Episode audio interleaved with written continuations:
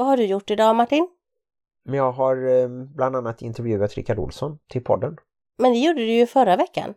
Nej, Rickard Olsson ska vara gäst nästa vecka. Men Rickard Olsson var gäst förra veckan. Ja, ja Rickard Olsson ja. Men inte Rickard Olsson. Men nu fattar jag ingenting. Rickard Olsson med C var gäst förra veckan. Rickard Olsson med CK är gäst nästa vecka. Det är ju Rickard Olsson, det vet du väl vem det är? Ja, Rickard Olsson hade vi ju som gäst förra veckan. Don't tell me that your life is dull and grey. My only answer is hey, hey, hey, hey. Let's go crazy in the wild, and if by chance we make a child, that just means that we're alive and healthy. Hej och välkomna till avsnitt 230 av Bonuspappan och Plusmamman, en podd om livet i en bonusfamilj med tyngdpunkt på föräldraskap och relationer. vi sänder i samarbete med Hallands Nyheter, dagstidningen i Varberg och Falkenberg med omnejd. En prasslig liten sak i alla halläningars brevlåda, men även på nätet, helt tyst utan prassel. www.hn.se I det här avsnittet så tänkte vi gå vidare med de här fem vanliga utmaningarna för en ombildad familj som Rickard Olsson berättade om i förra veckans avsnitt. Och det är alltså inte Rickard Olsson som vi ska ha med i nästa avsnitt, utan Rickard Olsson som vi hade med i förra avsnittet. Ja, det råkade bli så att de har samma namn även om de stavar olika. Och nästa veckas intervju är alltså med tv- och radioprogramledaren Rickard Olsson. Det är en evinnerlig tur att de stavar olika, det hade varit jättekomplicerat annars. Mm. Men de är väl inte särskilt lika till utseendet så att skulle man träffa dem tror jag att det är ganska enkelt att veta vem som är vem. Om inte alla så vet själva vem som är vem. Ja. Men vi börjar väl med lite hänt i veckan och den största saken som har hänt är ju att du har opererat foten. Jag säga det är att vi har tagit våran tredje spruta. Nej, det var väl snabbt och enkelt och inget konstigt. Förutom att du stannade kvar inne i båset oroväckande länge. Du kom in först och sen så satt jag där en stund och väntade. Jag var är Martin? Och så bara Martin, så sticker ut huvudet och säger vad, vad gör du egentligen? Jag bara pratar lite. ja, det var inte bara jag som var pratsam utan eh, även eh, sjuksköterskan där. En äldre dam, hon var nog eh, pensionär gissar jag. Men eh, hoppar in och ger vaccin. Du är som en liten äldre pensionerad dam Martin. ja, men det tar jag som beröm. I alla fall, din eh, fotoperation har gjort att du är sängliggande nästan hela dagen och det ställer ju lite högre krav både på mig och barnen. Men eh, barnen har levererat. Saga har lagat mat flera dagar till exempel. Ja, du har mest levererat surhet tycker jag. Men det tänker du inte erkänna. Nej, jag känner mig inte särskilt sur. Jag har väldigt mycket att göra bara men eh, Du känner dig aldrig du sur. tolkar det som att, att jag är sur. Du är sur. Vi har kanske nämnt det någon gång förut i podden att när du säger att jag är sur tillräckligt många gånger så blir jag lite sur av Vi det. borde spela in podd hela tiden istället. Mm. För när du spelar in podd så är du inte sur. Nej, det hur skulle det se ut? Vi ska inte se ut någonting för att vi är bara med i ljud. Precis. Du kan se sur ut om du vill, men du låter inte sur. Hur eh, mår foten just nu? Foten mår aj. Foten gör ont. Foten är jobbig. Foten är en stor klump. Jag var inte alls beredd på att det skulle göra så här ont. Men det var en annan kvinna som skrev till mig och beskrev att det här gjorde ondare än när hon födde barn utan bedövning. Så jag tänkte att ja, då är jag inte helt sjåpig. Nej. Nej, men det är tufft eh, för dig och eh, vi får hoppas att eh, smärtan försvinner i alla fall. Plus att jag är lite hög på morfin, vilket gör att jag mår jätteilla. Så att jag får välja så här, vill du ha ont i foten eller vill du må illa? Aha. Det är konstigt att du tar smärtstillande och sen så får du ta en liten tablett till för att inte bli illamående av medicinen som du just har tagit. Och all medicin gör mig trött. Så jag är bara trött, mår dåligt och har ont i foten. Det är lite synd om mig helt enkelt. Ja, men det kommer bli bättre. Det behövdes ju göras den här lilla operationen. Men jag har i alla fall suttit uppe en dag så att pokergänget var här. Och det var väl med nöd och näppe. Och så var din pappa här och gjorde semlor också. Då var jag uppe och bakade. Men det var så här, bakade lite, gick och kräktes för jag mådde illa. tvättade händerna emellanåt, bakade lite till Ja. och sen eh, hjälpte svärfar Leif mig med resten. Mm, det var starkt gjort av dig att du klarade Det var ganska dumt gjort av mig känner jag så här Ja, lite. Mm. Men jag var lite envis och så hade jag ju bestämt det här sedan innan. Konstigt nog så hade jag bestämt jättemycket saker på torsdagen. Operationen var på onsdagen och på torsdagen skulle dels en kvinna komma och hämta kartonger som jag hade vikt. Pokergänget skulle komma. Din pappa skulle komma och äta semlor. Det var kvartssamtal och så var det ett samtal från Försäkringskassan. Så att det var ganska mastigt den dagen. Mm. Tuff start på sjukskrivningen. Ja, men nu har jag insett mina begränsningar och ligger här i ryggläge och tycker synd om mig själv. Mm. En annan sak som har hänt i veckan var att jag har varit på begravning. Vi skulle ha gått båda två. Men eh, det gick ju förstås inte för dig att eh, komma iväg till en av de små kyrkorna här i Varberg. Det var våran vän Anita som gick bort efter åtta års sjukdom. Och hon har mått förvånansvärt bra under hela den tiden fram till nu sista månaderna ungefär. Och hon var en av dem som stöttade oss, lyssnade på podden och var intresserad av vad vi gjorde och eh, var väldigt glad för att vi hade träffats. Ja, hon har varit lite som våran extra mamma, kanske speciellt till dig som inte haft dina föräldrar här i Varberg. Ja, vi lärde ju känna varandra 2008, så nästan 14 år sedan, när jag började spela jazz med hennes man Jan. Eh, jag fick alltid fika och eh, sällskap och härliga samtal när vi hade paus. Och ibland när jag ringde och Anita oftast var den som svarade så satt vi och pratade och så var det nästan så att jag glömde av att jag skulle fråga Jan någonting om vi skulle träffas och, och spela och sådär. Mm. Så att eh, nej, fantastisk människa och hon var med även och vann frågesport med oss på Gästis hotellet där. Hon var väldigt allmänbildad och eh, gillade kultur i alla former, teater och böcker och så. Men för mig så lever hon fortfarande. Det, det kanske är en fördel att inte ha varit på begravningen för att i mitt minne så ser jag fortfarande när hon skrattar och, och ler och pratar och bjuder på fika. Och, Mm. Det blev en väldigt fin stund i Träslövs kyrka och sedan så åt vi lite lunch och pratade nere på kusthotellet här i Varberg. Så vi skickar en liten tanke till eh, resten av familjen där. Ja, det blev lite i moll där, men eh, veckan har för övrigt varit som vanligt. Barnen har varit hemma och nu är det sportlov som börjar typ idag. Även om man kan väl säga att den börjar på måndag. Så har tre av ungdomarna sportlov. Men en är ju vuxen och jobbar så den har inte sportlov. Nej just det, och eh, Saga ska ju iväg på Närcon, ett stort eh, konvent för bland annat cosplay. Och då ska Helle iväg upp till sin biologiska pappa så i slutet av nästa vecka så kommer det nog bara vara Lycke som bor här eh, på heltid. Ja, som vanligt så har vi ju glömt bort halva veckan men jag tror att det var det mest signifikanta som har hänt. Så jag tror att vi går vidare. Ja, då ska vi alltså prata lite mer om de här fem vanliga utmaningarna för en bonusfamilj som Rickard Olsson berättade att han hade lyft fram efter att ha upptäckt dem via den amerikanska forskaren Dr. Patricia L. Papernow. Som vi hoppas ska komma med i podden här framöver. Ja, jag tror att det finns något sätt att eh, kontakta henne och så blir det i så fall ett tredje avsnitt på engelska. Då får vi säga tredje gången gilt. Kanske att vi då kommer låta som att vi kan lite engelska. det har gått tillräckligt bra tycker jag faktiskt.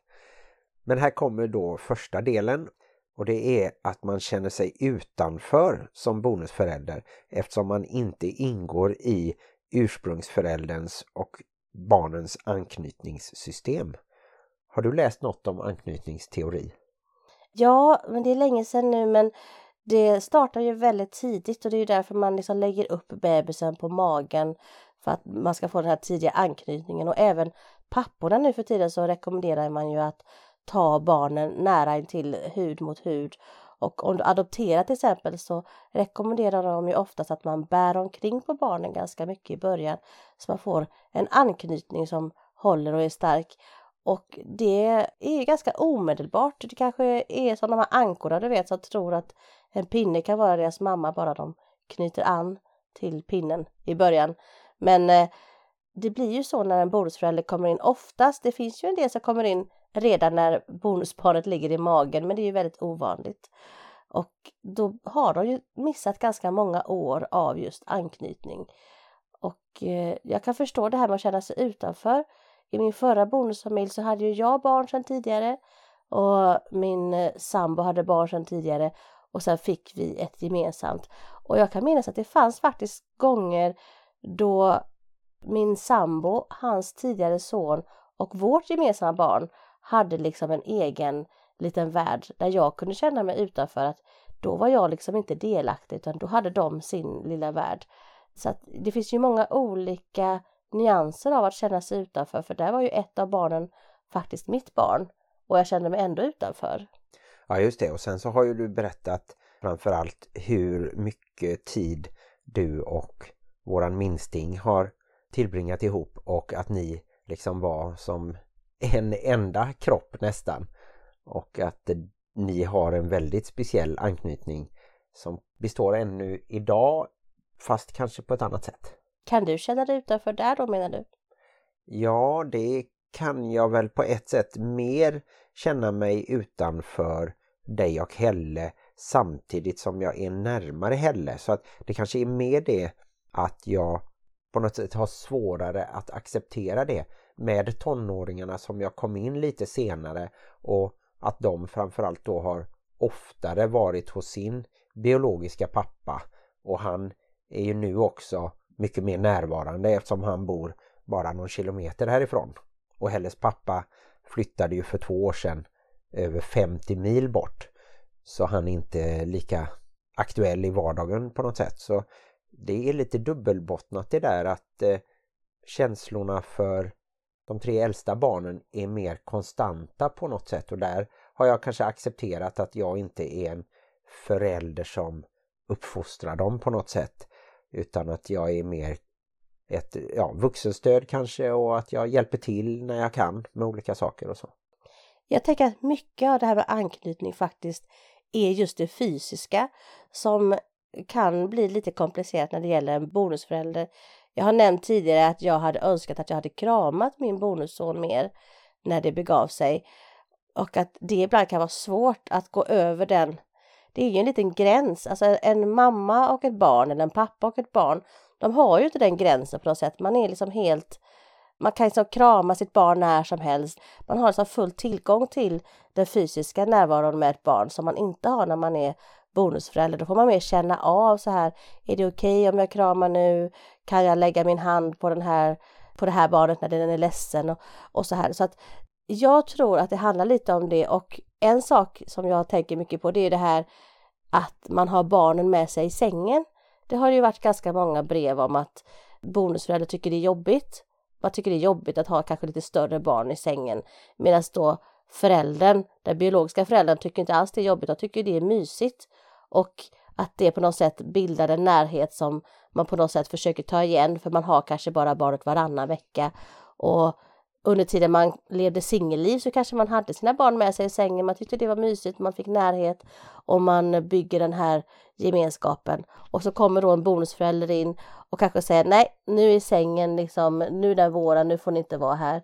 Och eh, bildar då ett avstånd från bonusbarnet direkt och jag förstår bonusföräldern att det känns obehagligt för jag har ju varit där själv. Jag tyckte också att jag tyckte att de stora barnen kunde sova i sina egna sängar. Men samtidigt kan jag också förstå att det blir ett avstånd som eh, kan vara svårt att överbrygga senare när man har puttat bort ett barn så. Men där tycker jag nog ändå, även om jag kanske någon gång till dig har sagt att ja men kan inte vi få ha våran säng själva så tror jag att både du och jag utåt framförallt till Helle då har varit öppna och då har det nog blivit som en rolig grej när hon var lite mindre nu fyller hon ju 12, men för några år sedan då att hon verkligen ville sova i våran säng. Och då fick det bli som lite bonus eller en extra grej ibland på helgen och sådär. Men det blev ju mindre naturligt, det blev ju alltid en grej innan du kom in så var det liksom aldrig en grej. Då, då var det som, ja, då fick man sova i mammas säng. Ja, jo, Och hon har ju också sagt det, skämsamt eller inte, men hon har ju sagt att när du kom in så puttade du ut henne ur sängen. Ja, just det. att, eh, Det ja. var då jag fick bädda i den lilla stugan som ni bodde i ett tag nere i Appelviken att göra det lite som en koja med ett lakan som hängde ner framför sängen då när hon sov i den nedre delen av en våningssäng minns jag. Du kanske ju kom långt ut i periferin här med anknytningen och det handlar ju inte bara om fysisk närhet, det handlar ju om interna skämt, kanske maträtter som man alltid har ätit tillsammans, tv-program man har tittat, filmer man har sett, saker man har upplevt. Det är klart att det är lätt att känna sig utanför ifall jargongen kanske alltid handlar om det interna. Så att vårt tips där är väl att försöka släppa in bonusföräldern och skapa nya minnen och säga så här, ja men kommer ni ihåg när vi gjorde det där och, och lite sådär, skapa ett nytt familjemönster, en ny anknytning och släppa in helt enkelt. Men sen så får ju också bonusföräldern acceptera att det har funnits en tid innan när den inte fanns. Mm. Och som sagt, jag känner mig sällan väldigt utanför sådär och jag tror nu också att när barnen blir äldre och de faktiskt håller på och bryter sig ur familjen lite att de inte alltid sover hemma att de har sina jobb eller skolan på dagtid och sådär så känns det ändå som att det underlättar när de också aktivt vill vara lite utanför familjen. De vill kanske inte följa med på alla kalas eller alla utflykter eller sådär. Och vi tvingar dem inte till det heller förstås. Och då blir det mer som att vi är fler vuxna till slut. Även om jag kanske inte tycker att man blir vuxen direkt man blir myndig utan att det är lite olika saker. Just nu så har vi ju två stycken barn som är myndiga men kanske inte riktigt vuxna. Innan vi går vidare så vill jag bara flika in att det här utanförkänsloskapet kan också uppstå hos ett barn. Kanske ett barn som inte spenderar lika mycket tid i familjen som något annat barn. Det finns ju de som kanske bor mer hos den andra föräldern. Och att då komma tillbaka när det finns nya familjemönster och så, det kan också kännas jobbigt att ta sig in. Och då är det ju ett barn det handlar om. Jag tänker att när vi tog upp den här punkten så handlar det om en vuxen som känner sig utanför. Men när ett barn känner sig utanför då tycker jag att då får man kanske hjälpa till ännu mer att försöka få med den. Då har ju inte den samma vuxenansvar att ta hand om sina egna känslor och sådär utan då behöver man kanske stötta upp det barnet mer och kanske faktiskt påminna den om att den har roligt och kul hos sin andra förälder och att det är stunder som vi då kanske, eller den andra delen inte kan dela tillsammans.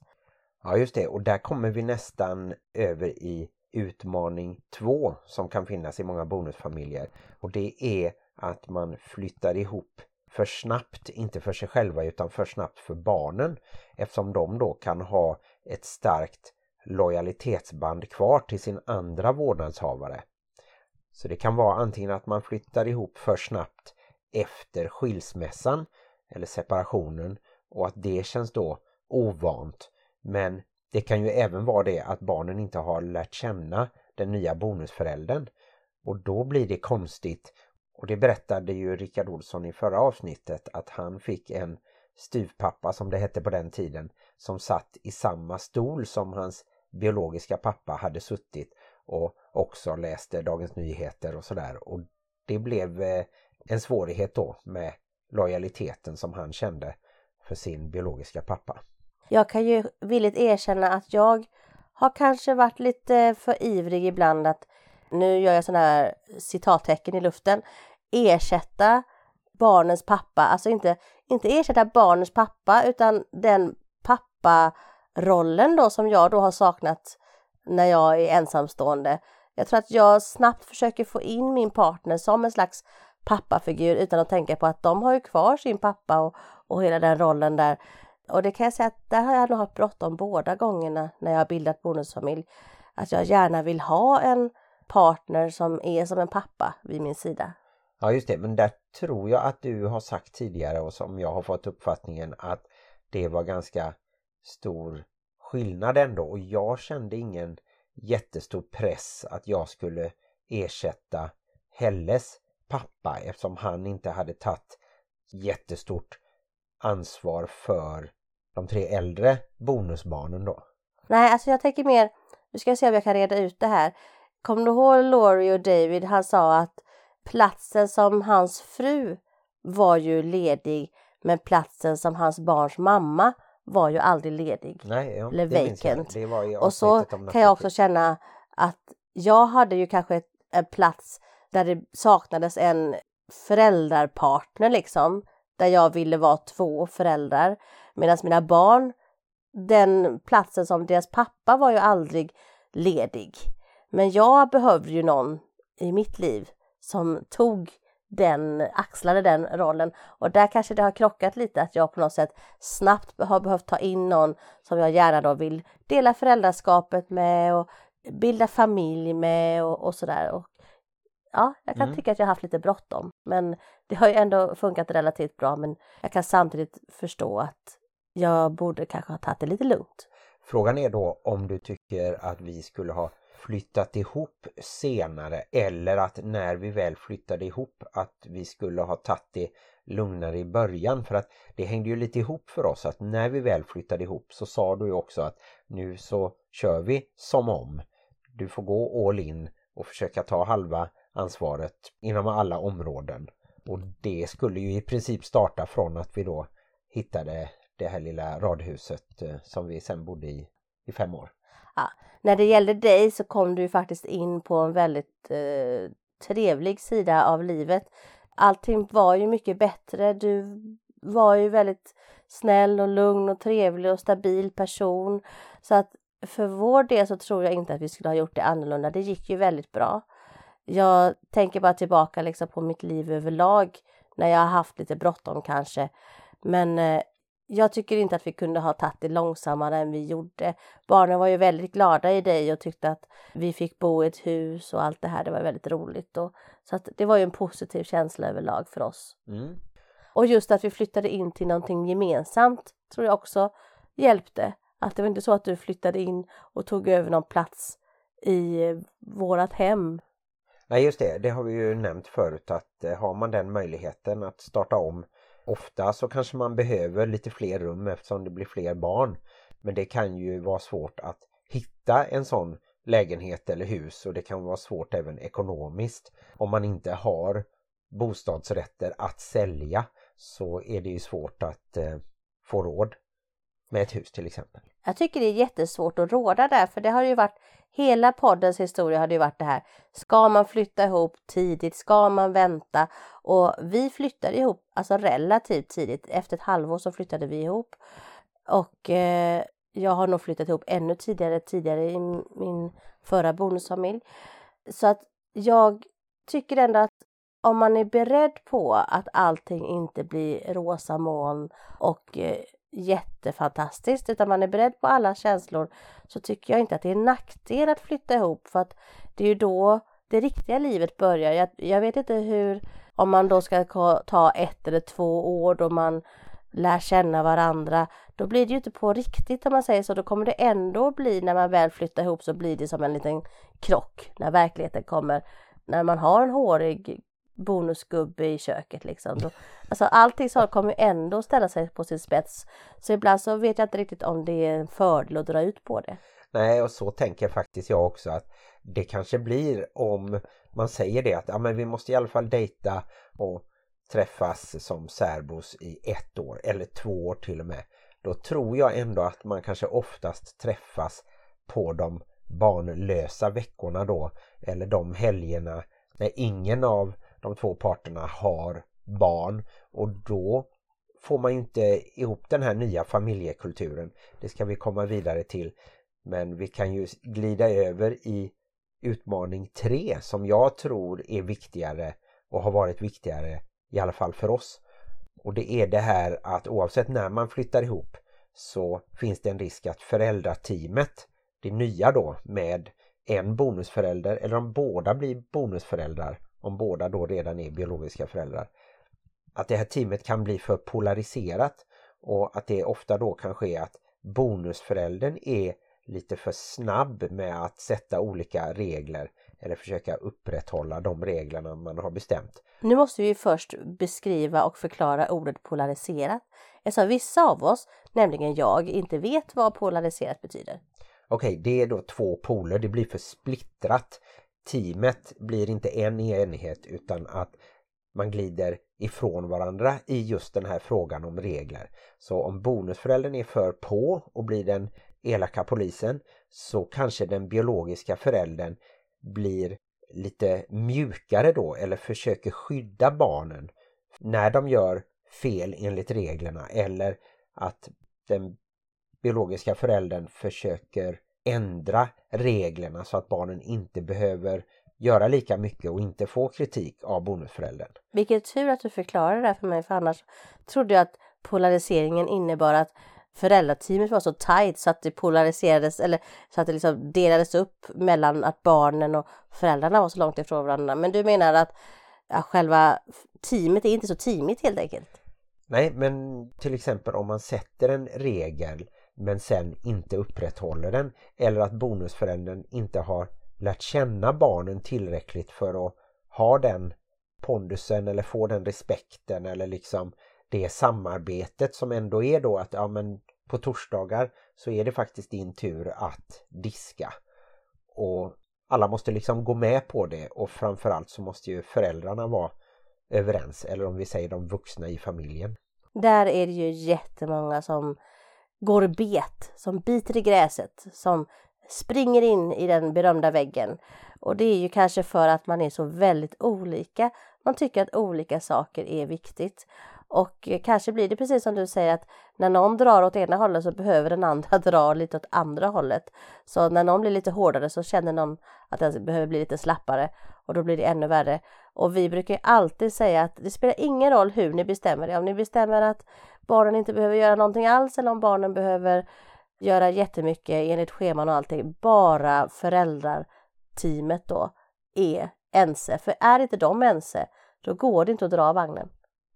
Nej, och det tror jag också kan vara ett problem i en kärnfamilj om man är väldigt olika. Och jag kan ju bara tänka tillbaka på min barndom att som jag minns det så var det nästan alltid mamma som sa till när vi skulle göra någonting. Men hon var ju hela tiden stöttad av pappa. Det var bara det att hon var liksom snabbare så de var ett starkt team och de tyckte lika och de hade bestämt vissa regler. Även om jag och min brorsa inte behövde göra jättemycket hemma och sådär. Men de gångerna så var det ändå då liksom mamma som sa till. Och jag kan tänka mig att det blev lite snedbelastning på det. Och jag tror du kanske hade liknande hemma. Att det var en förälder som du tog liksom fler diskussioner med och så när du var liten. Ja men det är precis som du säger, pappa var ju alltid på mammas sida. Det var ju aldrig så att de två gnabbades om vem som... För, för det är ju så här klassiskt och då blir det ju rörigt i hierarkin. Då tror ju barnet att haha nu kan jag, nu kan jag få dem att bråka istället så kommer jag undan. Men hur ska man få ett starkt team då tänker du? Hur ska man jobba emot den här polariseringen och bli mer gemensamt eh, styrande i familjen? Jag tror ju så som många experter rekommenderar. Vi kan ju inte själva ta på oss att säga att vi är experter och vi vet att detta kommer fungera. Jag tror framförallt att alla bonusfamiljer och alla familjer behöver liksom hitta sin egen kultur och sin egen lösning. För oss så tror jag det har varit att inte ha så mycket regler, att inte lägga så mycket uppgifter på barnen. Vi har hela tiden sagt att de får ta ansvar för sina rum. Det är inte så att vi går upp och dammsuger och fixar i ordning, bäddar deras sängar och sådär. Framförallt så dammsugar vi inte, för det heter det tydligen inte enligt Martin. Det har det hetat i Falkenberg i år. Ja, just det. Det är ett av de orden som jag eh, reagerar på fortfarande när du säger dammsugar. Det låter roligt i mina öron. I alla fall, och vi har ju inte så mycket gemensamt sådär att vi har städdagar när barnen ska städa gemensamma utrymmen eller diska eller sådär utan just nu så har vi väl i princip bara det här att de ska gå ut med hunden en dag i veckan då. Men jag tänker som jag sa innan, det handlar ju inte riktigt om det tänker jag. Det handlar inte om vad vi har bestämt utan att vi har bestämt det. För att jag tänker att det finns många familjer som har jättefina och bra listor och det funkar jättebra för dem.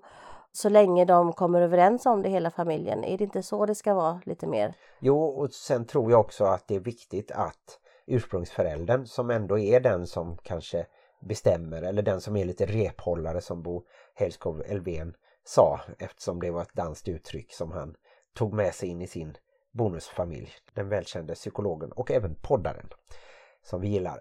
Och eh, jag tror att för oss så har det varit ett litet problem har jag upplevt det som att du lite har backat från vissa regler som jag tror att vi har bestämt och så försöker jag fortfarande upprätthålla dem och så har inte jag den liksom makten i familjen som jag kanske inbillar mig då.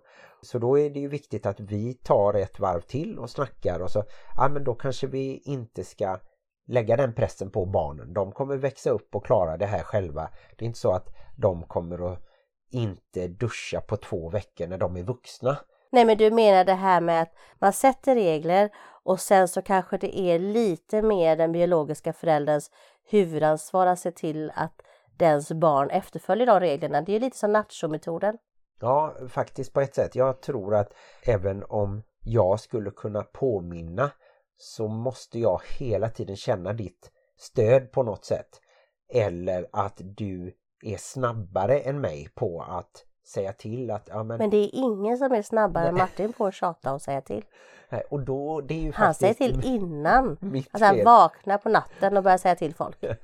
ja, det låter roligt men det är kanske inte helt Nästa sant. vecka ska du skölja ur den där grytan. Nej, kanske inte riktigt. Men Jag aj, vet att du inte kommer skölja ur den där grytan. Så jag säger till redan nu.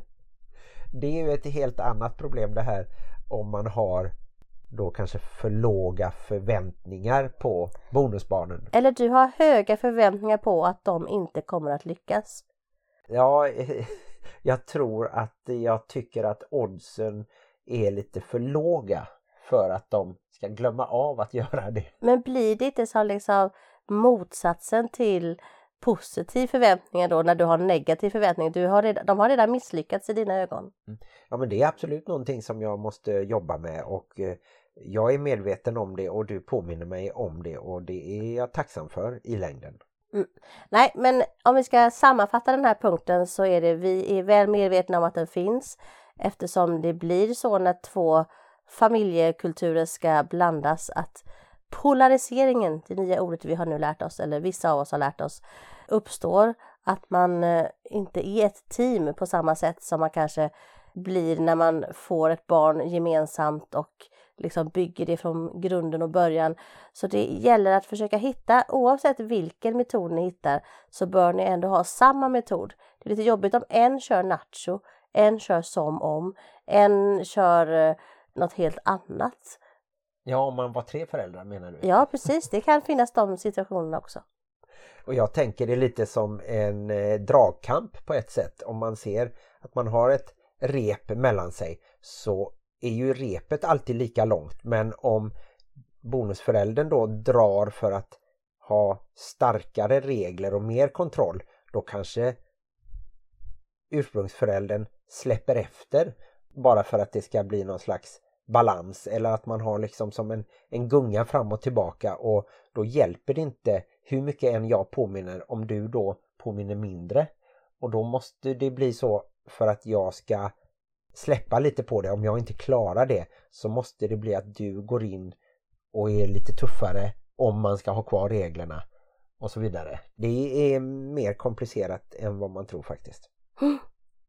Men apropå ny familjekultur så är det den fjärde utmaningen av de fem som Patricia L. Papernow har skrivit om och som Rickard Olsson tipsade oss om. Och det är att man kanske inte vet hur man bygger upp en gemensam familjekultur. Att man inte kommer igång med det utan att man lever vidare kanske som två separata familjer i den lite större bonusfamiljen. Men det vet ju vi. Man startar helt enkelt ett krig mot en annan bonusfamilj. Då Ja. blir man en tight gemenskap. Vi har väl haft eh, våra små strider men eh, eh, vi har väl inte klarat av att starta krig så som eh, förr i tiden när en hel nation kunde samlas mot en eh, fiende, ett annat grannland. Ja men det är, ju, det är ju min teori att man skulle starta sådana tv-program och så ska man ha olika bonusfamiljer. Som ska, man ska liksom inte, inte kriga mot den andra familjen som är ens bonusfamiljs andra familj utan en helt annan bonusfamilj. Ja just det. Det är som när rymdvarelser invaderar, då blir ju hela jorden en gemenskap. Mm, Ja, absolut. så att antingen då rymdvarelser eller en annan bonusfamilj så blir man en tight gemenskap. Men skämt åsido, jag tänker vi hade tidigt ett avsnitt med din pappa och han sa genom lek förenas man. Så varför inte leka lite mer i bonusfamiljen? Ja, och så hade vi ju även eh, världsmästaren i brottning Martin Lidberg som även då har vunnit både Let's Dance och Mästarnas mästare. Och han sa ju att genom gemensam idrott eller fysiska aktiviteter då kunde man ju även få en anledning att nudda varandra eller krama varandra på olika sätt. Särskilt om det var en idrott som innehöll lite kroppskontakt. Så det funkar både som en fysisk närhet och en eh, mental sammansvetsning. Man ska brottas i bonusfamiljen helt enkelt. Till exempel. Men det är ja. inte helt fel. Jag kommer faktiskt ihåg att min bonusson, han älskade när jag kittlade honom och vi brottades. Och då kunde jag liksom, då blev det lite fysisk närhet. Då kände vi oss väldigt nära varandra. Och så skrattade vi också samtidigt så att det, det är inte helt fel. Nej, och jag tycker att vi ändå hann med så att säga innan tonåringarna blev så pass gamla så att de var på väg att ta studenten och håller på med sin liksom frigörelseprocess så gjorde vi ju ändå en hel del utflykter. Vi var i stugan i Småland, vi var iväg och promenerade i skogen och vi gjorde lite små idrottsliknande grejer och vi träffade min släkt och deras biologiska kusiner på din sida och lite så. Under, ko- under coronakarantänen kom vi också ganska nära varandra minns jag. Då satt vi och spelade spel. Mm. Det var ju nu eh, mer nyligen men jag tror ändå att vi fick ihop en liten ny familjekultur. Och som vi- Kriser är bra helt enkelt. ja, och som vi har sagt flera gånger förr så är det ju lite skillnad eftersom jag inte har med mig barn in här utan det är ju min kultur och eran familjekultur så det är lite lättare kanske för mig att komma in och anpassa mig. Det är lättare Efter- för oss att mobba ut din kultur. Ost på allting till exempel, det går bort. Ja just det, det kanske inte räknas som en familjekultur men eh, jag är tacksam för att jag får fortsätta att lägga ost på mat. Jag tänker också att det är viktigt att man skapar gemensamt, inte bara att du ska komma in i vår eller att vi ska komma in i din utan att man hittar på nya saker. Och vi har ju haft en del nya saker som att vi firar bonusförälderns dag till exempel. Det är en ny tradition vi har.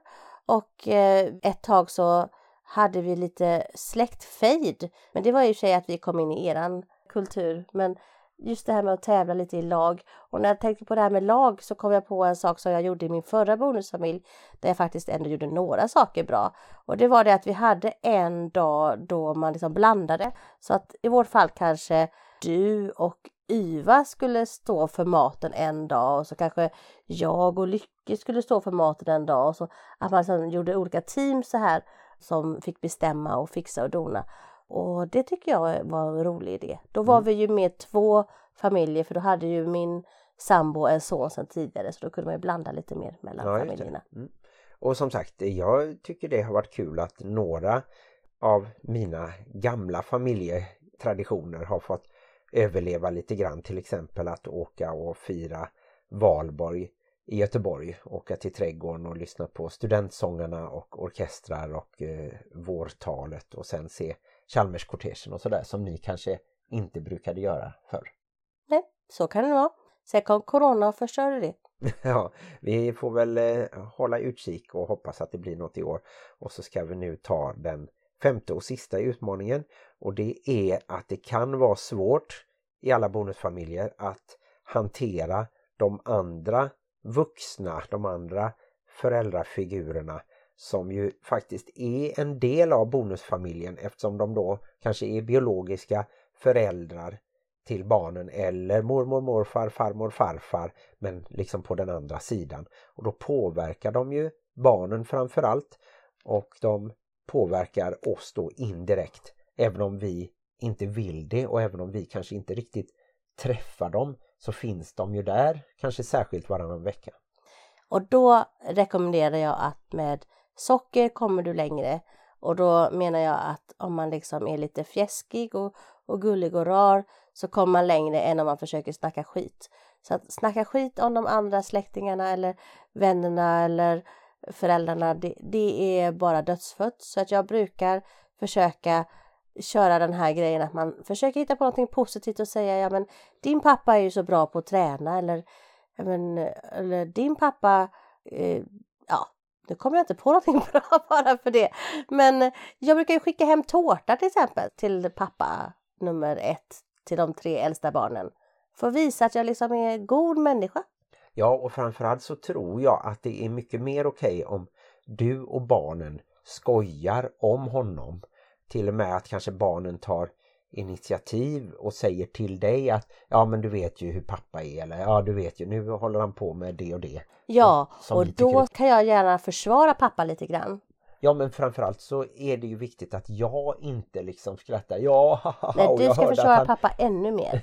Ja, eller i alla fall att jag håller mig neutral och jag kan ju tänka mig att om man som bonusförälder faktiskt får ett slags erkännande av en ursprungsförälder. Till exempel då om någon av barnens pappor faktiskt skulle säga till mig att ah, men du gör ju en bra insats, du är schysst och du hjälper så att säga mina barn med skolarbete och körkort och olika saker sådär.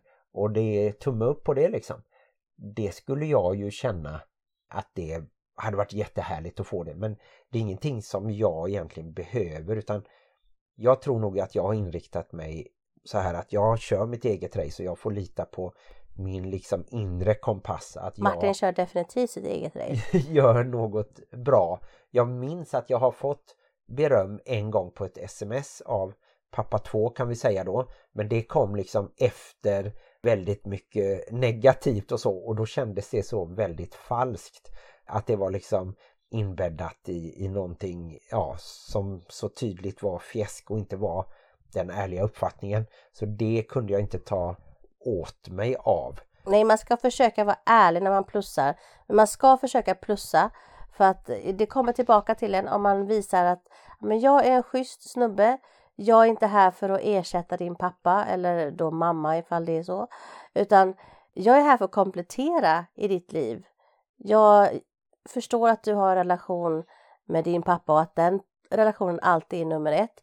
Jag vet att en del bonusföräldrar kan ha svårt att förstå det här att de kanske kommer på tredje eller fjärde plats och att en del faktiskt sätter sig emot det. Och det hårdaste är att nej, så ska det minsann inte vara. Men du har ju alltid varit en sån att du säger att jag vet att jag kommer på någon slags femte plats brukar du säga ibland till och med. Och jag tror att just den inställningen gör att du är inget hot på samma sätt. Nej, men jag gillar det. Även om du såklart kommer på en bra mycket högre plats än femte plats. ja men det är ju fyra barn. Så för dig så är jag nummer fem men det är okej. Nummer sex efter Parker. Ja det är det jag är orolig för att eh, valpen ska gå förbi. Men eh, det jag också tänkte på var att vi faktiskt i alla fall i början när minstingen hade en bonusmamma som inte finns med nu längre faktiskt skrev och sa att ja, men vi tycker att du gör en bra insats. Hon tog liksom ansvar för en del av de här vardagsgrejerna med skolan och, och liknande och eh, berättade vad som hade hänt i veckan om Helle hade varit sjuk på något sätt eller fick lite eksem eller någonting sånt här. Så att den kommunikationen i början funkade ju faktiskt bra och där tycker jag nog att vi skickade lite plus och lite beröm. Ja, och sen kan ju allting gå åt helvete i alla fall för man är olika personer och när det gäller ex då är det ju faktiskt människor som har valt att inte fortsätta sitt liv tillsammans trots att de faktiskt hade barn tillsammans. Så att då betyder ju att det finns en hel del saker där som inte riktigt funkade. Så att varför det skulle plötsligt funka för att man inte är tillsammans, det kanske är ett, ett önsketänkande. Och man får acceptera det, men man får också acceptera att det är ens barns andra verklighet. Den lever kanske till och med halva sitt liv där. I vissa fall mer än halva sitt liv där.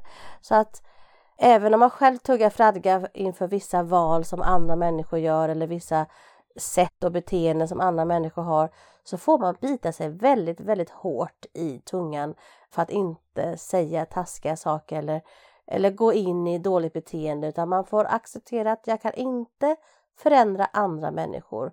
Jag kan bara styra över mitt eget liv och hur jag är. Mm.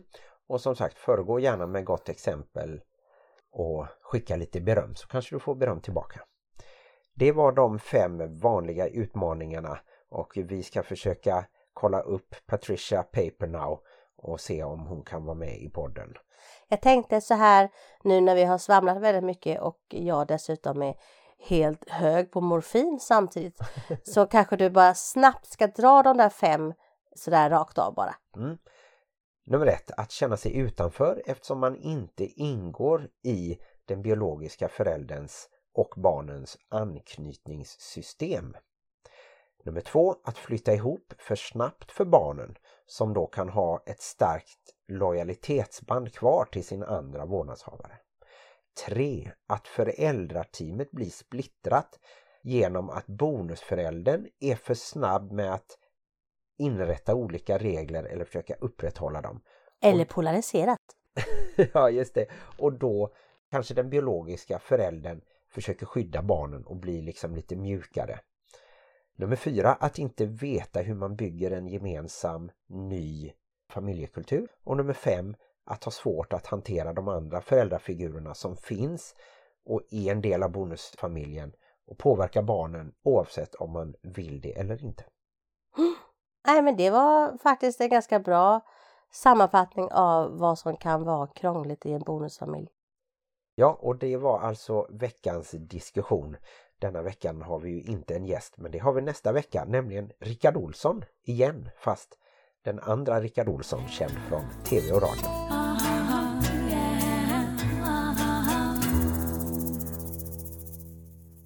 Ja, då ska vi försöka avsluta det här avsnitt 230 av podden och då kör vi en liten high and low. High and low som är våran temperaturmätare, alltså termometer på vårat liv i bonusfamiljen. Vill du börja? Jag kan väl börja med att säga att eh, jag som vanligt inte tycker att jag hinner med tillräckligt.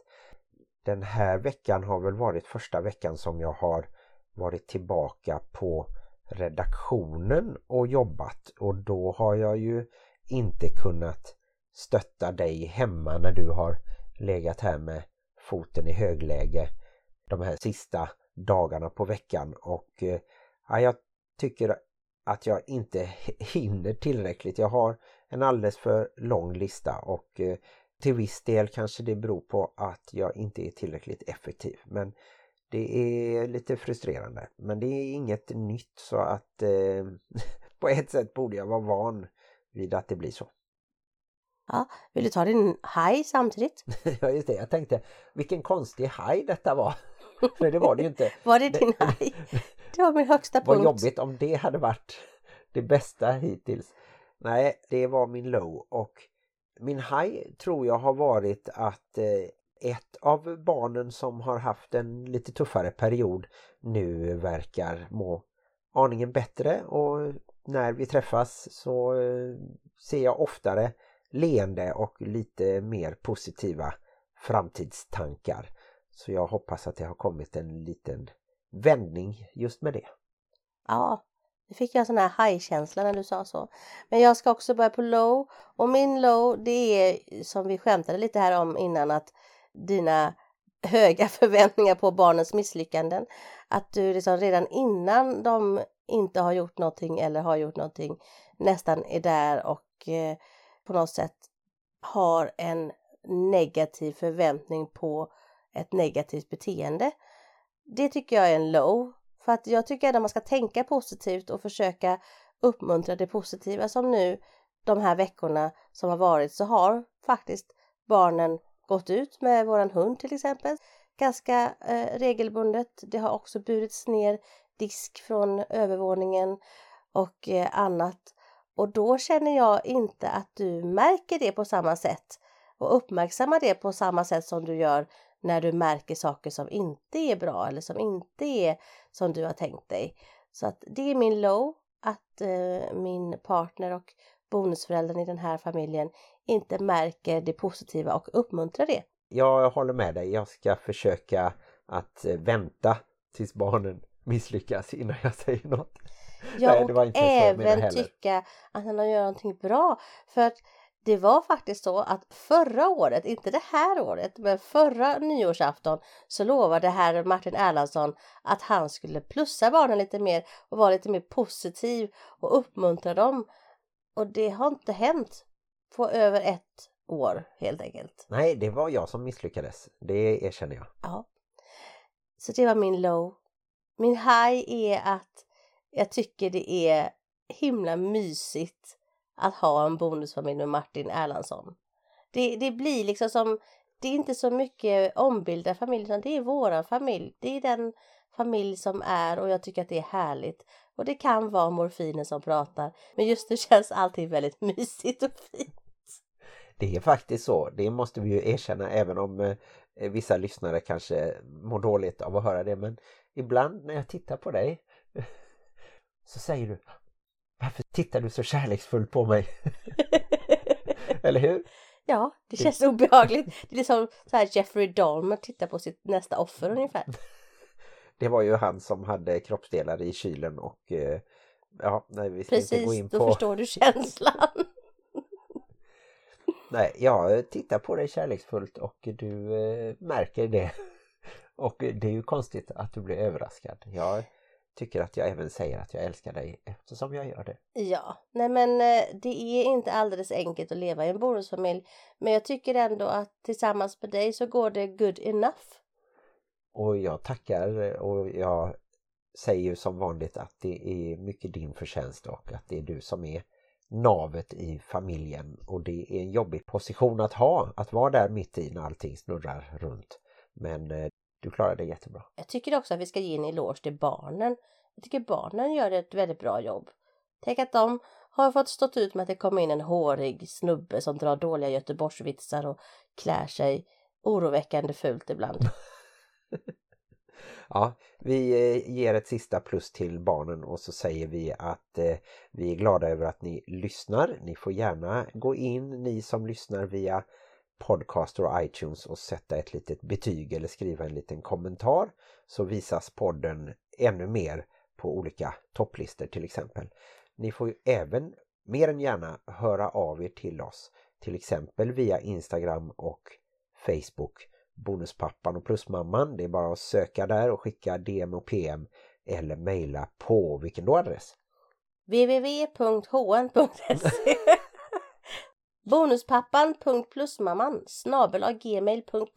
Precis. Världens längsta e-mailadress förutom min egen som också känns väldigt lång och intensiv Ingrid Maria Erlandsson snabel-gmail.com Just det, du har en lång privatadress också som man också kan skicka till om man är intresserad bara av vad Maria tycker. Bara intresserad av mig. ja men det tror jag de flesta är. Nu så säger vi så här, glöm inte att livet i bonusfamiljen kan vara besvärligt. Men också härligt. Ha det bra. Hej Ha det bäst. Hej då. Ät inte för mycket smärtstillande, då blir det så här. Ja, vad händer eh, nu tycker du idag? Nu vill jag ha glass. Ah, finns det i frysen kanske? Ja, ge mig glass. Vad bra att jag köpte det då. Tack.